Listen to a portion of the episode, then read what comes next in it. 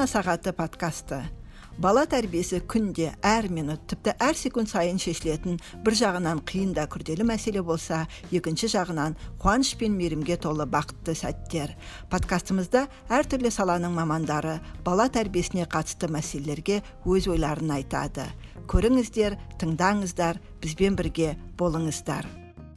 Саламатсыздар ма? Ата ана сағаты подкастын бастаймыз. Бүгінгі подкастты жүргізушілер мақпал жұмабай және мен бақытгүл салыхова бүгінгі біздің тақырыбымыз баланы кітапқа қалай қызықтыруға болады. Ал бүгінгі біздің подкастымыздың қонағы серікбол хасан журналист балалар жазушысы және айдана тілепбергенова блогер педагог мамандарымыз. Ата аналар балаларына кітап оқып бере ме деген сұрақты мысалы мен өзімнің айналамда жүрген достарыма жиі қоямын. Со, осы сұраққа неше жасынан бастап кітап оқып бере бастадыңыз не оқисыз қай кезде оқисыз қалай оқисыз деген сияқты сұрақтарды қойып шағын сауалнама жүрген бола, жүргізген болатынмын. Сол кезде менің достарым иә біз баламызға кітап оқып береміз деп жауап берді. Енді сіздерге де осы сұрақты қояйын. Сіздердің де балаларыңыз бар. Неше жастан бастап және қалай балаларыңызға кітап оқып беріп жүрсіздер? Кітап оқу енді ол бір жастан басталды бізде.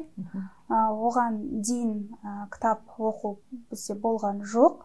Бір жастан бастап ә, кітапты өзім оқып көрсете бастадым. Және де ә, қазіргі таңда кітаптың қоры өте көп. Ә, сондықтан өзінің жасына сай бір жасқа арналған кітаптар да бар.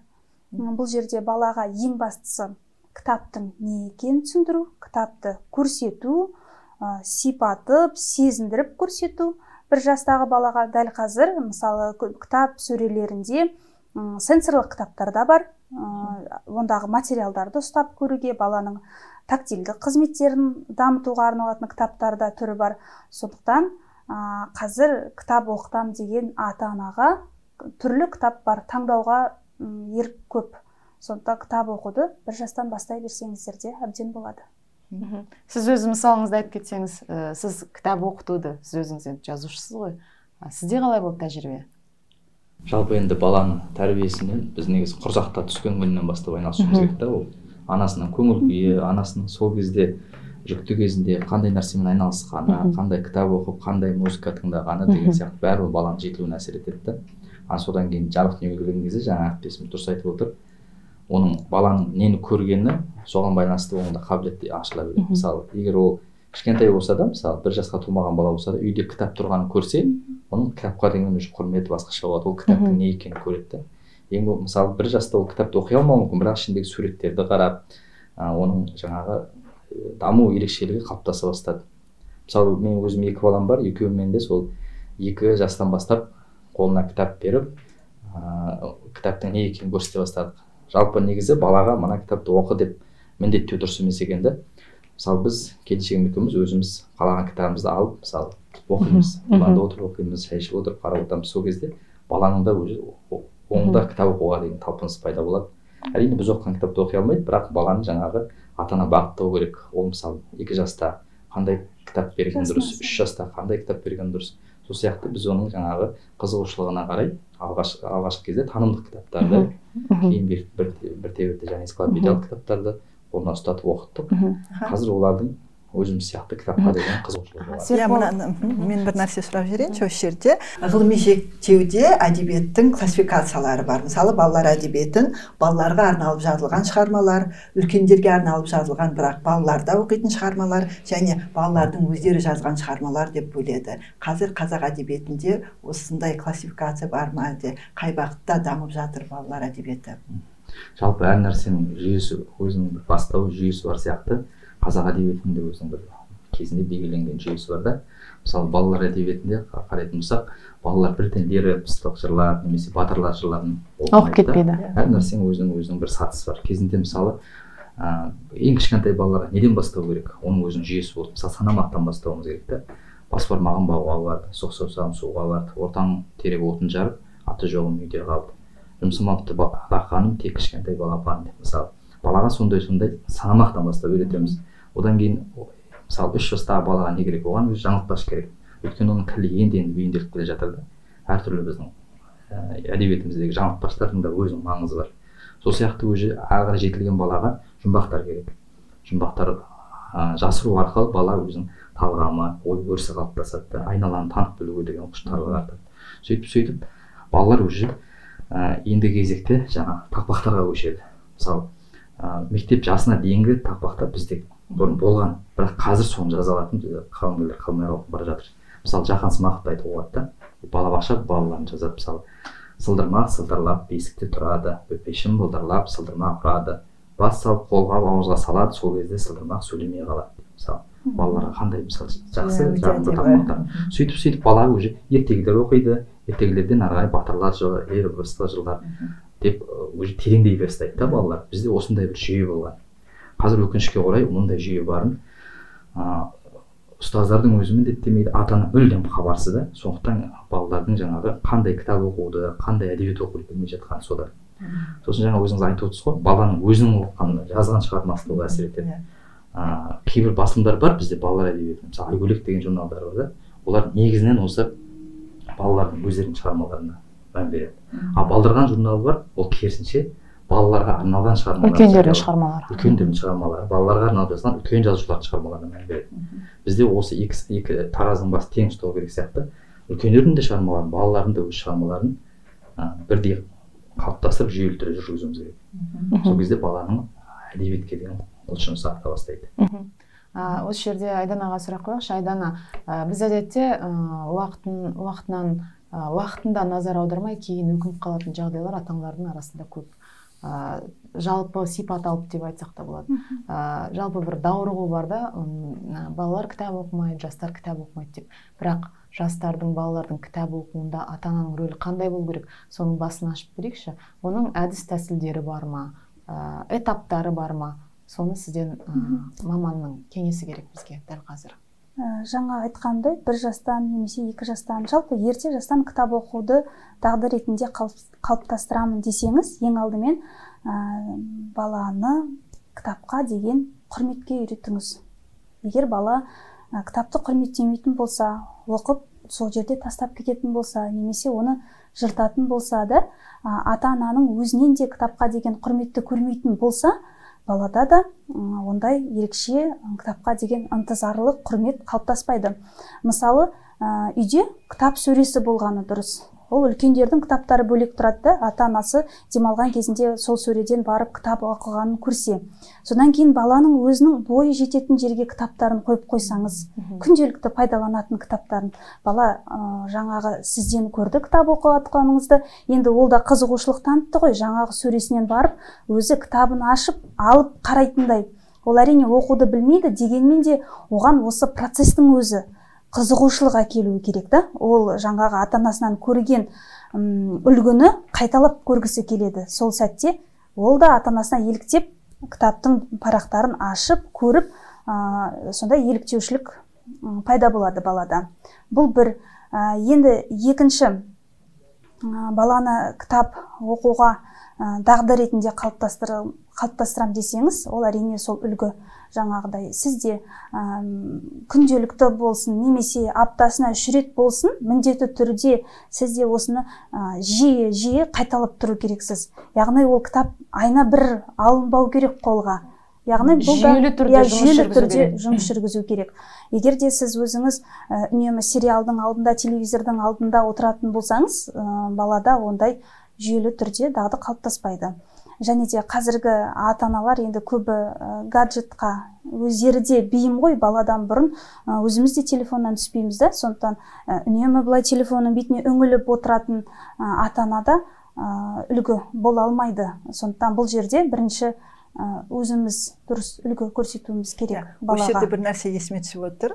Жақында осы бір бір жыл шамасында түрлі түрік фильмдерін анда санда көріп тұрамын. Түрік фильмдері және бір сериалдары. Сол мен көрген сериалдарда балаларға арналған фильмдер болды да сол жерде ылғи әкесі не анасы баласына кешке кітап оқып береді.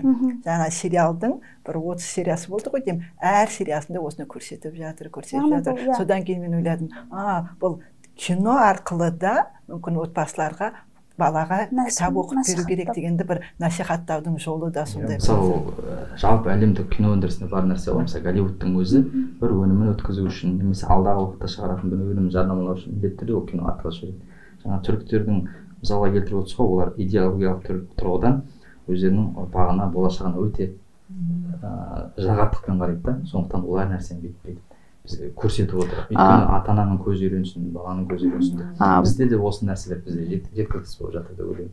Жаңа жақсы айттыңыз мысалы біздегі мектептер мен мысалы түрік лицейлерінің мектептерінің жүйесі екі түрлі да мысалы мен өзім бірнеше кезінде ұлан газетінде ақжелкен журналында жұмыс істедім. Мектептерді көп араладым. Сол кезде түрік лицейлеріне бардым. Ол жерде мен қайран қалғаным мысалы олардың жүйесінде балаға кітап оқытудан бөлек ата анаға кітап оқыту деген кәдімгі жүйелі түрде жұмыс істейді да ата аналар арасында кітапты оқып қана қоймай соны жарыстар жарыстар ұйымдастырады талқылайды. Бұл деген ол балаға қатты әсер етеді да. Бізде де мысалы мектептерде неге осы нәрсені енгізбеске? Мысалы өткенде бішкекке барған кезде байқадым. Айтматов оқулар өтеді екен да. Оқушылар арасында бөлек және ата аналар арасында бөлек. Мысалы бізге де мысалы абай оқуларын неге ата аналар арасында үйретпеске? Сондай сондай жүйелі ұсыныстар керек сияқты бұл жерде жаңа мемлекеттің жауапкершілігі бір бөлек та ә, жаңа үзілісте айттық қой әрбір адамның жеке жауапкершілігі деп. Ә, яғни ә, адамдарға бір үлкен проблеманы айтсаң ол менің проблемам емес менің мәселем емес оны жоғарыдағы адамдар шешу керек деген сияқты жалпылама бір жауап жақсы болды. Бұл біздің елімізді жайлағалы өте көп жылдар болды. Жалпы сіз азамат ретінде осындай пікірге қосыласыз ба? Жоқ жауапкершілікті алуға дайынсыз ба? Негізі әр нәрсе төменнен де басталу керек жоғарыдан да басталу керек та екі жақтан жүрген кезде ол жақсы жүреді. Негізі бізде жаңа ата аналардың көп нәрсені қайтесе билікке мемлекетке итеріп тастайтыны бар да. Мысалы ата ана көп бала тәрбиесіндегі көп нәрсені мектепке ығыстырады ұстаз жауап берсін дейді. Ұстаз айтады неге ата ана қарамайды дейді. Бәрі баланы бір біріне сілтейді да. Бізде мысалы қазанның ошағы мысалы қазанның астында үш тұғыры болады да ол. Жақсы қайнау үшін үш тұғыры болады. Сол сияқты бізде ата ана мектеп мысалы өзің отбасың мектебің және қоғам деген үш тұғыр бар да мысалы сен үйде ата ана жақсы қарап тұрсын ұстаз өте жақсы білім дайындасын бірақ бала қоғамдағы ортасы дұрыс болмаса ол бәрібір балаға әсер етеді сол сияқты біз ә, бұл мәселеде әсіресе бала тәрбиесі өте үлкен мәселе ғой. Бұл мәселеде біз оны басқа біреуге ығыстыруға хақымыз жоқ. Мысалы отан отбасынан басталады деген мақал ойға түседі да осы жерде. Әр отбасы баласына болашағына бей жай қарамайды. Өзінің баласымен айналысса жаңағы барлығы ата ана да солай ойласа онда біз қоғамға ой саламыз өзіміз түзелеміз мысалы хадистің өзінде айтады қалай болсаң солай басқарыласың деп сол мәселе ғой. Жаңағын жалғастырып жіберейін. Иә болады жаңағын содан кейін балаға ертегі оқып беруді ұйықтар алдында ертегі оқып беруді ритуал ретінде қалыптастырса деймін әр отбасы. Себебі біздің үйде осы ертегі оқып бермесек баламыз ұйықтамайды. Жаңағы ертегіні күтеді. Ол өзінің бір ертегі оқып барып сонан кейін ұйықтайтынын түсінеді. Ұйықтар алдында баланың тісін жуу жуындыру біздер жасаймыз ғой осындай дағдыларды. Соған да ертегі оқып беруді қоссаңыз бала сол ертегіні тыңдап жатып ақ ұйықтап кетеді. Қандай керемет сіздің әдемі даусыңызбен үніңізбен балаңыз ұйқыға кетсе. Мен осыны ата аналарға дағды ретінде қалыптастыруды ұсынамын. Бүгін біз проблема ретінде қарастырылып отқан кітап оқыту мәселесі әдетте біз қалай ә, шайды тұтынсақ тамақты тұтынсақ сол сияқты рухани қажеттілік қой оны талқылаудың да қажеті жоқ еді. Бірақ біз қазір үлкен мәселенің алдында тұрмыз. Ә, кітап оқымаған бірнеше буын пайда болды. Бірақ ә, ең жақсы дүние қазір ата аналар ояна бастаған сыңайлы. Барлық ә, жаңағы жауапкершілікті өз қолдарына алуға дайын ата аналар пайда болды. Айдана сіз осындай ата аналарға қандай кеңес берер едіңіз? Мысалы қазір ә, алдыға шығатын тағы бір үлкен мәселе кітап жоқ деп шығады. Ә, мысалы yeah. Иә. сіз оған қосыласыз ба? Жоқ кітап жоқ дегенге қосылмаймын. А бұл жерде біз айтып отқанымыз қазақ тіліндегі туған yeah, иә, тіліміздегі кітаптар. Ә, қазір іздеген адам барлығын табады. Тіпті кітап жоқ десеңіз ә, жаңағы интернет желісінде де ертегілер толып тұр негізі онлайн оқысаңыз да соны тіпті бір қағазға шығарып алып өзіңіз балаңызға оқып беремін десеңіз де ешкім кедергі келтірмейді. Жаңағы бұл жерде сіз оқып беру ғана емес кішкентай балаға кітап оқуды миына сіңірем десеңіз жаңағы оқып берген нәрсені кейін ойын ретінде жасасаңыз болады. Мысалы біздер өткенде бір батырлар туралы ертегіні оқыдық та кейін батыр болып ойнадық. Сол ертегіде болған ә, сюжетті ойын түрінде қайталадық. Мінекей бала оны тез сіңіріп алады. Жәңгір жаңағы алпамыс батыр не істеп еді? Жаңағы мына жерінде не істеп еді? деп сіз оны ойына саласыз да жаңағы ұлыңыздың балаңыздың ол қайтадан бекітеді оқығанын тыңдағанын. Яғни бұл жерде м кітап жоқ демей оны енді варианттары көп ә, іздеген адам табады деп ойлаймын. Және де осы ойын түрінде бойына сіңіруді ұсынамын. Ә, себебі бала ойын түрінде кез келген нәрсені тез қабылдайды. Тіпті ойын түрінде олай ойын қиын десеңіз саусақ театры бар көлеңке театры бар. Жаңағы кеште отбасыңызды жинап алып та ә, представление дейді ғой. Бір сондай шағын отбасы сағатын жасауға да болады. Бұл жерде енді ата ананың қиялына яғни үздіксіз иә. үздіксіз даму жұмыс істеу баланың алдында барлық жауапкершілік кітап аз дегеннен шығады. Сіз енді жазушысыз ғой. Қазақстанда қанша балалар жазушысы бар екенін білетін боларсыз шамамен. Сонымен бірге жыл сайын балалар әдебиетіне бір конкурстар байқаулар жарияланып тұра ма? Және ол сондай ақпаратты қайдан білуге болады ата аналарға жалпы негізінде балалар әдебиеті секциясы бар қазақстан жазушылар одағының ішінде. Осы секция айналысады біздегі әдебиеттің балалар әдебиетінің жағдайымен. Бірақ жаңағы айтып отқандай ол жерде де балалар жазушылармен шығармашылық байланыс аздау секілді. Да өйткені секцияның не жұмыс істеп жатқанына мен мысалы балалар жазушы ретінде хабарым аз өйткені бізге ақпарат жетпейді. Сондықтан мысалы баспаларда балалар баспаларында да жағдай сондай да осы екі үш жылдың алдында астанада бір форум өтті. Сол кезде баспалар бір біз жақсы кітап шығарайық десек жақсы жазады автор жоқ дейді да ал авторлар жүреді біз жақсы кітап шығарайық яғни коммуникация жоқ ойымыздағыдай кітап шығаратын баспа жоқ дейді. Сол сияқты мысалы иллюстрат иллюстраторлар бар ғой суретші иә, иә, иә, олардың да біздің қазір қоғамдағы орны болмай қалды да. Мысалы басқа барыңызшы міндетті түрде балалар әдебиеті күшті керемет иллюстрациямен болу керек. Ал бізде балалар әдебиеті көбіне табылған анан мындан интернеттен табылған суреттерді басады да ол кітаптың құнына әсер етеді ол құнсыз кітап болып шығады. Сондықтан жаңағы иллюстраторлар олар да баспа іздеп таппай жүр олар да автор таппай жүр. Бізде мысалы барлық нәрсе бір бірін іздеп жүрген адамдар таппай жүр. Таппай жүрген нәрсе мысалы кітапхана балалар кітапханалары мен ә, әрине бар. Мысалы жамбыл кітапханасы алматыдағы өте жақсы балалармен байланыс істейді бірақ көбіне балалар кітапханалары балалар жазушылармен байланыс ұстамайды мысалы. Кездесуге шақырып балалармен әртүрлі кештер өткізу деген сияқты. Сондай нәрселер бізде жүріп қалған. Жаңағыдай байқаулар әрине жүріп жатады. Дарабоз байқауы болып келді осы уақытқа шейін. Балауса байқауы болып кетті болып келді. Біразына мен де қатыстым жүлделі болдым. Ол кәдімгідей мына балалар қаламгерлерінің ынтасын оятады ынталандырады кәдімгідей өйткені ол жерде әртүрлі жүлделер бар сол арқылы қызықтырады дегендей. Бірақ негізінен байқаулар бұл балалар әдебиетінің қатты дамытады деп айта алмаймын. Өйткені байқаудың белгілі бір шарты болады. Қаламгерлер бәрі сол шартқа негізіп жазады да ол сенің шығармашылық жағын ыыы былай қысады. Ал негізінен ата ана ә, жаңа балалар қаламгерлері ол болашаққа жанашып мысалы әдебиетке жанашып жазу керек.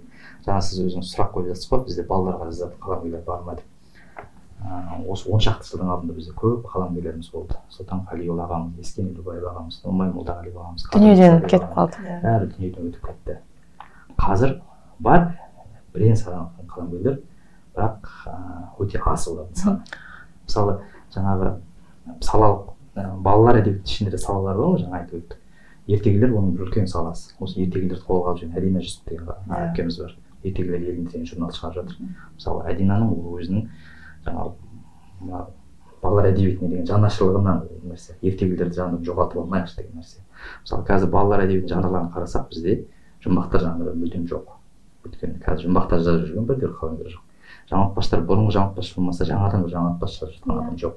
Бізде жанрлар өліп бара жатыр да жемен жемен бұл үлкен катастрофа болуы мүмкін. Сондықтан мен мысалы ұландағы желкенде жүрген кезде көптеген үлкен жазушыларға мысалы ерлан жүніске қалқам саринге бәріне хабарласып сіздер дұрыс сіздер өте жақсы танымал ақынсыздар бірақ сіздер неге балаларға жазбайсыздар мысалы. Иә. Бал бүгін балаларды біз тәрбиелемесек оны өлең оқытпасақ ол есейгенде сіздің қазіргі жазған өлеңдеріңіз оқымайды ол мысалы. Сондықтан неге осы бағытқа қарай қалам сілтемейсіздер деп мысалы үгіттейтінмін. Мысалы кезінде тұма мұзафар әлімбаев ағамыз балдырғанды басқарған кезде иә. мысалы мұқағали мақатаевты басқа да қаламгерлер біз білетін қамап қойып жаздырған тапсырма беріп да мысалы мектебің мынау классың осында он жыл тұрасың. Иә. Тардай болып кіресің таудай болып шығасың. бұл бүкіл балалар білетін өлең сол өлеңді мұз ағамыз мұқағали ағамызға тапсырыспен қадағалаумен жаздырған. Қаншама балаларға классикалар дүниеге келді да ол кісі. Иә. Жұмекен нәжімеденов жазды фариза оңғарсынова жазды. Ә, сол сияқты жазды. Қазіргі уақытта ойлаймын егер біз балалар әдебиетіне шын жанассақ балаларымыз бірдеңе оқып олар оқитын дүниелер қалсын қатталсын десек онда қазіргі мен мықтымын мен мықты жазушымын ақынмын деген міндеттеуіміз керек. иә міндеттеп олар жазу керек. Тапсырыс беріп дейсіз. өте жақсы. қызық екен. Сізге бір сұрақ қойсам серікбол. Мысалы қазақтың әдебиетінде балаларға арналған классикалық туындылар бар. Бүткіл әлем әдебиеті жаңа шығармаларды былай қойғанда сол классикалық әдебиеттен нәр алып соны қайта қайта жыл сайын шығарып отыр. Негізінде бізде осы күнге дейін жиналған қор белгілі бір деңгейде ұлтты тәрбиелеуге жеткілікті ма? Үлкен қоры. Мысалы дәл қазір ыыы сол тұмағаңдікін сол сұлтан қалиевтің мұраларын ә, дәл қазір бізді көріп отқан тыңдап отқан ата аналар қай жерден табуы керек? Ә, соған жол көрсетесіз бе? Үлкен қор қалыптасты. Кезінде олар көз тірісі тірі кезінде рауан сияқты баспалар бар кезде жақсы жақсы кітаптар шықты. Бірақ қазіргі баспалар ол кісілердің шығармаларын қайталап басып жатпаған сияқты мен көрмеймін. Егер оны іздеген ата ал бар дүниенің өзін қайдан тауып тапса болады ата аналар кітапханалардан табуға болады. Кітапханалардан. Бар. Менің ойымша қазіргі баспалар осы үлкен классиктардың кітаптарын қайталап шығарған дұрыс болады. Егер қайталап шығарса жалпы балалардың шығармасы жоқ балалар әдебиеті ақсап жатыр деген тақырыпты ә, жаңағы ол ол тұрғыда иә. қарастырудың күні бітеді. Бірақ жаңа сатыға көтередік едік. Бар дүниенің өзін ә, жаңашалап иллюстрациямен сіз айтқандай yeah. әдемі қағазда басып шығатын болсақ шын мәнінде өте көп мұра жатыр бізде. Сол өте мұраны көп. игеруге мүмкіндік керек. Иә өте көп мұра жатыр. Бірақ заман өтіп бара жатыр ғой жаман жылжып бара жатыр. Әр заманның өзінің сұранысы бар да. Мысалы бердібек соқпақбаев ағамыз өте танымал классик жазушы да бірақ ол кісінің шығармаларында кейбір детальдар сол кездегі оқиғалар ол қазіргі балаларды қызықтырмауы мүмкін. Мысалы бердібек ағамыздың компас деген әңгімесі бар да жап жақсы әңгіме мысалы балалар жағаға суға түсуге барады бір бала компас тауып алады да бәрі сол компасты не компастың жаңадан шыққан уақыты болу керек та. Иә. бәрі таң қалады мысалы қазіргі балалар сол компасты оқыса ол қызық емес та. Иә. қазір өздеріңіз айтып отырсыздар жаңағы гаджеттердің уақыты қазір мысалы сол гаджеттеріміз неге балалардың шығармаларында жүрмейді сондықтан бізге жаңаша дүниелерді жазуымыз керек. Тек бұрын жазған ой аталарымыз бәрі мықты болған жазып кеткен деп онымен малданып отырмауымыз жақсы. уже ағыммен ілесіп жаңа дүниелерді қосуымыз керек қой. Тағы бір нәрсе айтайыншы. Жақында мен бір танымал дүние жүзінде танымал блогер ютуб блогер өзінің баласымен оқыған кітаптарын санамалап шығып мың кітап оқиды да. Олар өйткені дүние жүзінде сондай бір челлендж байқауы сияқты жүреді. Эстафета жүреді. Эстафета жүргенде айтады. Балалар бір кезеңде мың кітапты оқып шығу керек. Балалар кітаптардан кішкентай болу керек. Сосын олар он айдың ішінде мың кітап оқып шығады. Сосын папасы әкесі мен шешесі қатар отырып баласын отырғызып қойып мың кітаптың бәрін жинап үстелдің үстіне қойып жаңағы сол туралы видео түсіреді. Кейін ары қарай зерттеп қарасам сол баланың өзінің инстаграмдағы парақшасы бар екен. Сөйтсе баланың әр кітап оқығанын суретке түсіріп мамасы салып отырады екен. Қазір екі мыңнан асып кеткен кітаптардың саны. Қазақстанда мысалы немесе өзіңіз осындай бағытта бір жүйелі жұмыс істейсіз ба? Ұсыныс ұсыныс айтасыз ба мынаны оқыңыз мынаны қараңыз деп жаңа сіз ыыы баспалардың өнімдері иә мен парақшамда міндетті түрде біз мен оқыған кітаптарға сілтеме беріп тұрамын. Бұл кітапты қай жерден қанша теңгеге сатып алуға дейін болатынын бәрін жазып қоямын. Осы тұста аруна баспасының кітаптарын атап өткім келеді. Себебі соңғы кезде өте сапалы кітаптар шығарып жүр. Иллюстрациясы да әдемі балаларға сондай ашық суреттері красочный дейміз ғой. Көзіне оттай басылатын әдемі суреттермен өрнектелген кітаптар шығарып жүр. Маған сонысы қатты ұнайды. Ә, сондықтан ә, парақшамда ондай жұмыс жүргіземін. Ата ана сол жерден өзіне керегін алады деп ойлаймын. Рахмет. Серікбол ә, мысалы біз ә, балалар саласында жұмыс істеп келе жатырмыз ғой. Ә, жұмыс істедіңіз сіз басылымдарда жұмыс істедіңіз біз телеарнада жұмыс істедік. Ә, сол жердегі көріп отқан үлкен мәселенің бірі тақырып мәселесі. Жаңа өз сөзіңізде де айттыңыз.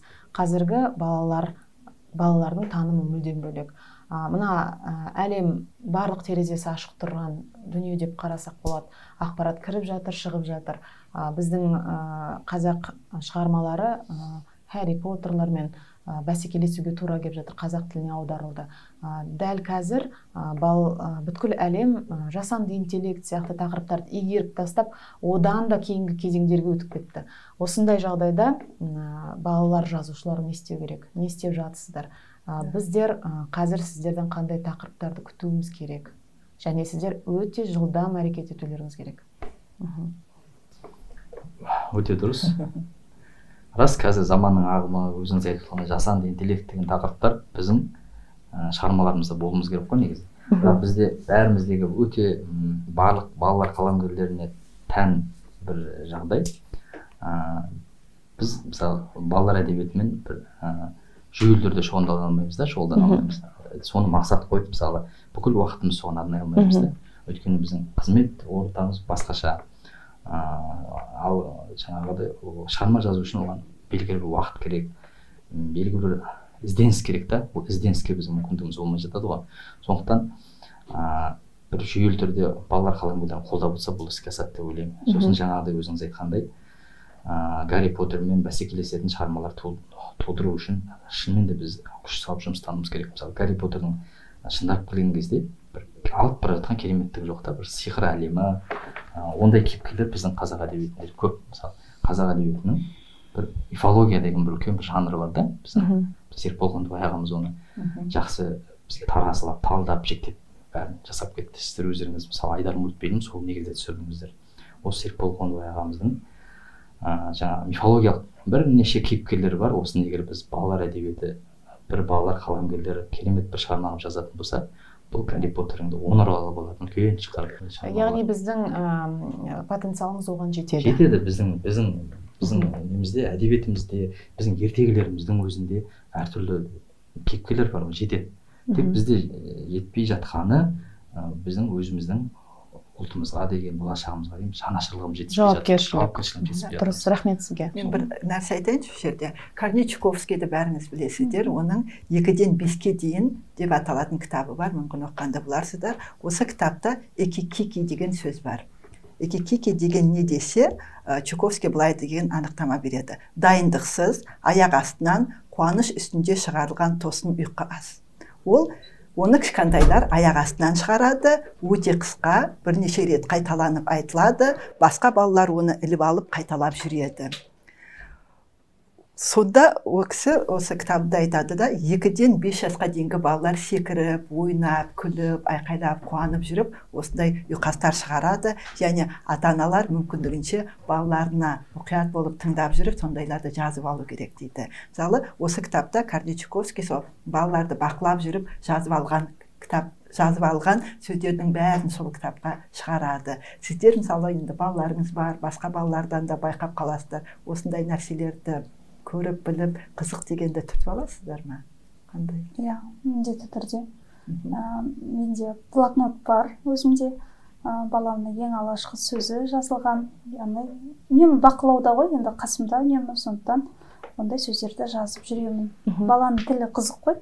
Ә, кейбір сөздерге тілі келмей жатады кейбір сөздерді өзгертіп айтады. Соның барлығын естелік ретінде сақтап қойып жүремін Ә, рахмет сізге. Енді бір сұрақ туындап отыр. Ә, жалпы ә, жас категориясы дейміз ғой аса маңызды нәрсе. Бір жастағы балаға үш жастағы баланың материалы жарамсыз. Алты жастағы бала бір жастағы дүниені қарамау керек. Бірақ қазіргі кезде бізде жас категорияларын алмастырып қолданып жатырмыз. Оны бұл жерде ата аналар сәл сауаттылау болу керек. Сол сияқты сіз психолог ретінде педагог ретінде кеңес бере аласыз ба? Мысалы үш жастан алты жасқа дейін нені оқу керек? Ә, кішкентай кезінде ә, қандай нәрселерді тұтыну керек? Белгілі бір классификациясы белгілі бір ережесі бар ма? Қазір мысалы ым, үйінде баласын құшақтап отқан ата аналар көп. Ә, барлығы мүдделі кітап оқытуға. Неден бастау керек? Кітапханасын қалай құру керек? Бір жастан үш жасқа дейінгі баладағы ең маңызды этап бұл танымдық этап. Бала өзін тани бастайды қоғамды тани бастайды айналасын тани бастайды. Сондықтан бұл жерде танымдық кітаптар болуы тиіс. Бұл жерде тіпті қазір түстерге арналған кітаптар да бар. Өте қарапайым иә өте қарапайым түстерге арналған.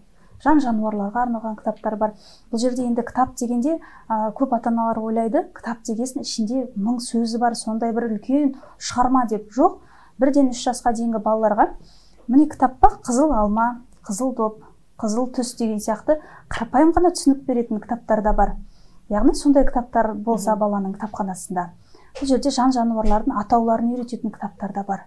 Бұл зебра бұл арыстан бұл ә, жаңағы басқа бір жануар деген сияқты. Тіпті бұл жерде осыны танымдық әрекеттерінде тереңдетіп үйрете беруге болады. Жануарлардан да бөле беруге болады. Саванна жануарлары біздің қазақстанда кездесетін жануарлар ыстық жерде мекендейтін ол жерде тіл тіпті маңызды емес Иә, ағылшын тіліндегі иә. кітапты сатып мен алып бұрында оны- солай жасайтынмын. Мхм. ағылшын тіліндегі кітаптарды алып яғни осылай- баласын кітапқа үйретемін деген адам үшін кітап көп алғашқы кезеңде. Иә. бір, бір жастан үш жасқа дейін. Бала әріп танымайды. Ол қазақ тілінде ма орыс тілінде ма жоқ.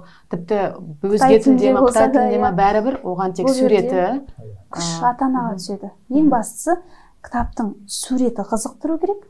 Және де екіншіден бірден үш жасқа дейінгі балаларға берілетін кітап қатты болуы тиіс яғни бұл жерде бала аузына салуы мүмкін жыртып тастауы мүмкін деген сияқты осындай ә, баланың физиологиялық ерекшеліктеріне байланысты қатты болса бұл кітап ә, балаға көпке дейін шыдайды енді үш оған қоса бұл жерде ата анасы оны оқып беріп Иә, түсіндіріп сипаттап яғни кітап иә. ол ата анасы ғой былайша Иә. айтқанда ата анасы тек белгілі бір құралдарды пайдаланып ә, кітапқа дағдыландыру керек. Содан кейін сізге тағы бір қойғым келіп тұрған сұрақ. Біз кітап дегенде әрқашан дәстүрлі қағазды ғана елестетеміз. Қа- қатты қағаз жұмсақ қағаз иллюстрация деп. Бірақ қазір кітаптың түрі көп қой. Электронды иә. кітап а, жаңағы ридерлар неше түрлі а, әртүрлі сайттар ұсынатын а, кітапқа бағытталған мен өзім кітап kz сайтын жасадық. Сол кезде біздің арнайы балаларға арналған бөлімі болды бірақ оның мүмкіншіліктері иллюстрациялап өйтіп жасауға келмеді бірақ текстік түрде болды. Бірақ қазір ол да жүзеге асырылып жалпы әлемде өте қолжетімді болып тұр. Және ең кереметі тегін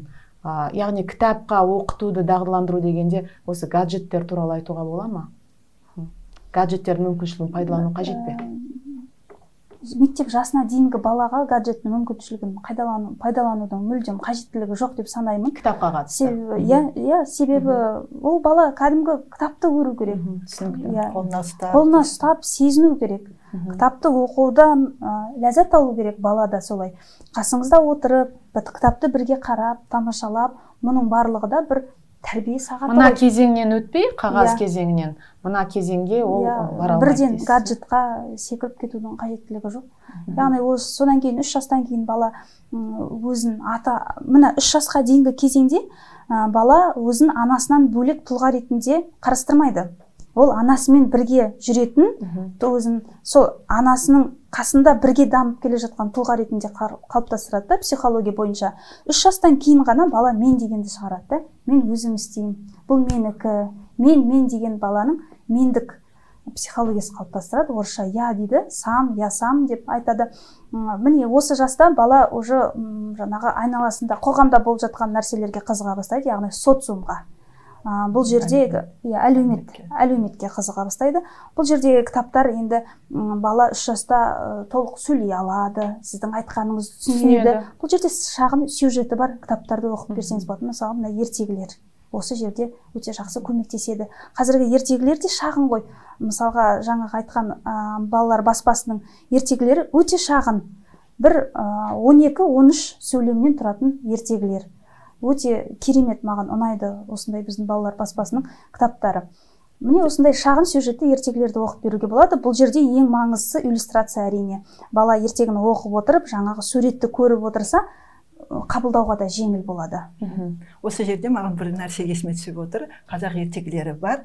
Ертегілердің тілі жатық болмауы мүмкін. Кейде ата аналар өзі оқып алып оны өз сөзімен жеткізіп мысалы бейімдеу ә, мәтінді баланың жасына икемдеуге қалай қарайсыздар? Жұрт жазушыларға сондай талап қойылу керек Ә, пе ол біздегі ә, жазушылардың қаламгерлердің арасында бір комплекс бар ғой. Жалпы түпнұсқа тиісілмеу керек оған ә, жаңағы мұртын бұзбау керек ешқашан. Ал ә, апайдың сұрағына мен қосымша ақпарат бере кетейін. Жақында италияда флоренция қаласында дантенің мұражайында болдым. А, сол кезде ә, мен ә, әлемдегі ең күрделі шығармалардың бірі құдіретті комедия ғой дантенің сол шығарманы балаларға бейімдеп жасап көргенін жасап қойғанын көрген кезде мен енді шынымды айту керек көзіме жас алдым. Өйткені ә, дантемен бірге жұмақты таниық дантемен бірге тамұққа барайық. Дантемен бірге деп ә, бүткіл өте күрделі шығармаға ә, жаңа қанатты адамдарын салып иллюстрациялап қатты қағазға шығарып сонда жас категориясын сұрасақ екі үш жастағы балаларға дағы бейімдеп тастаған. Осыған қалай қарайсыз? Шығармаларды бейімдеу. Қазақ әдебиетіндегі бар шығармаларды бейімдеу. Иә ол өте бір тамаша нәрсе екен шынымен де. Классикалық шығармаларды балаларға арнап бейімдеп берсек балаларды қызықтырады. Ыыы және ол бізде негізінен оқушыларды балаларды ғана емес ата аналардың өзін қазір сол тәсілмен қызықтыру керек сияқты да. Өйткені ата аналардың өзі қазір қандай кітап оқуға оқу керек екенін білмей жатқандар бар. Сондықтан осы тәсілді мысалы жүзеге асырсақ мысалы мүсіреповтің фанктың әуезовтің мысалы қаншама классикалық шығармаларын осы тәсілмен берсек онда ол ыыы міндетті түрде балаларға әсер етеді. Сосын жаңа сұрақ басында айтылып жатыр ғой. Ыыы балаларға арналған шығармалар бірақ ол негізінен ересектерге арналған шығармалар. Сондай да бар да мысалы. Балалар шығармаларын ересектерге арнап түсіндіру деген. Ыыы жаңағы нелерде ағайынды гримдер болсын ганс кристиан андерс болсын ертегілерін қарасаңыз былай қарағанда бала оқыса ыыы өз тұрғысынан қабылдайды. өз тұрғысынан қабылдайды. Бірақ оны ересек адам оқыса ол өз тұрғысынан қабылдайды да. Мысалы андерсен еш уақытта айтпады мен балаларға арнап ертегілерді жаздым деп. Және ол өмірде балаларды өте ұнатпаған адам адам да мысалы. Сондықтан ол шығарманы өз ерекшелігіне байланысты әркім әртүрлі қабылдайды да. Қазіргі мысалы жаңа сіз өте жақсы айтып жатсыз ғой. Плюс алты плюс он деген сияқты әр жас категориясына болады ғой. Мысалы мультфильмдерде де сондай қазір шығып жатқан да мысалы пиксардың диснейдің болсын бар. Ал плюс алты дегенге мысалы төрт жастағы баланы алып барсаң ол түсін басқаша қабылдайды. мен мысалы өткенде бір мультфильмге баламды алып бардым.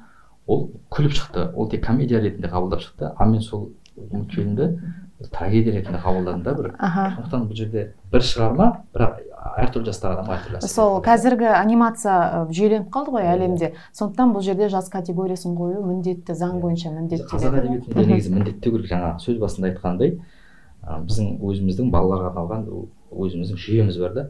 Сондықтан міндеттеу керек. Бізде балалар әдебиеті деген кезде ол бастауыш сыныптан бастап төртінші сыныптан бастап он бірінші сыныпқа дейінгі балаларға арналған шығармалар негізінен. Ал бізде балабақшаға арналған шығармалар өте жоқтың қасіреуі бар. Ол бұрын да аз жазылды қазір мүлдем жазылып жатқан жоқ.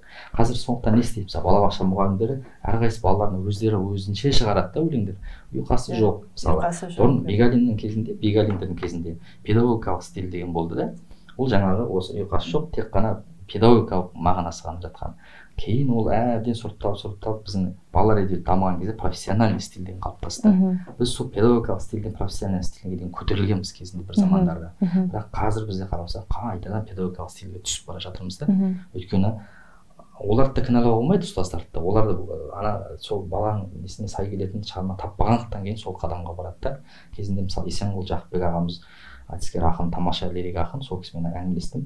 Сол кезде аға не істеп жүрсіз деген балаларға жазып жүрмін дейді да балаларға жазғаны қалай деп едім жаңағы балам мектепте оқиды. Үшінші сыныпта ма екінші сыныпта ма? Немерем ба? Немерем деді ғой деймін. Не апайым маған бір балама жаңағы немереме өлең жазып берді. Оқысам жаңағы өлең емес. Сондықтан мен түзеп түзеп бір әдемілеп жазып бергенмін. Кейін апайы маған жабысып алды дейді да. Сіз осы маған жазып беріңізші деп. Сөйтіп мен қазір мектептерге жазып жүрмін деп. Ол жақсы болды. Кейін балаларға да біраз өлең шықты. Ибрагим исаев ағамыз да сөйтіпті немересі сұрап келген. Оқытатын өлең жоқ. Қажеттілік туған кезде кез келген адам істеуге дайын негізінде. Ол да кейін балаларға жаза бастаған да жаңа басында айтып отқандай сөз басында айтып отқандай бәріміз осындай қажет қажеттілікті күтпей негізінен ол шынымен де қажеттілік қой. Бәріміз жанашырлықпен кірісуіміз керек секілді. Сонда біздің балалар әдебиетіміз кішкене молығады молаяды иә бүгін көп нәрсені әңгіме қылдық әлі айтатын талай нәрсеміз бар дегенмен уақытымыз таяп қалды аяқтауға. Сондықтан ата ана сағаты подкастын аяқтайық. Сіздерге келгендеріңіз үшін көп рахмет. Құрметті достар ә, кітапқа баланы дағдыландыру ә, біз ә, бүгін ә, серікболдың сөзінен бір қазақта бар сөз негізі баланы құрсағынан бастап тәрбиелеу деген. Бірақ кітапқа да құрсақтан бастап тәрбиелеу деген біздің бір алтын темір қазығымыз болу керек сияқты. Өмір бойы тәрбиелеу өмір бойы жұмыс істеу баланың алдындағы жауапкершілікті сезіну әркім өз саласында жауапкершілік сезіну арқылы баланы кітапқа дағдыландыруға болады екен. Осындай бір тамаша әңгімелеріңіз үшін рахмет айта отырып біз подкастымызды аяқтаймыз. Бізде қонақта болған балалар жазушысы серікбол хасан және психолог педагог айдана тілепбергенова. Рахмет сіздерге. Сау болыңыздар. Сау болыңыздар.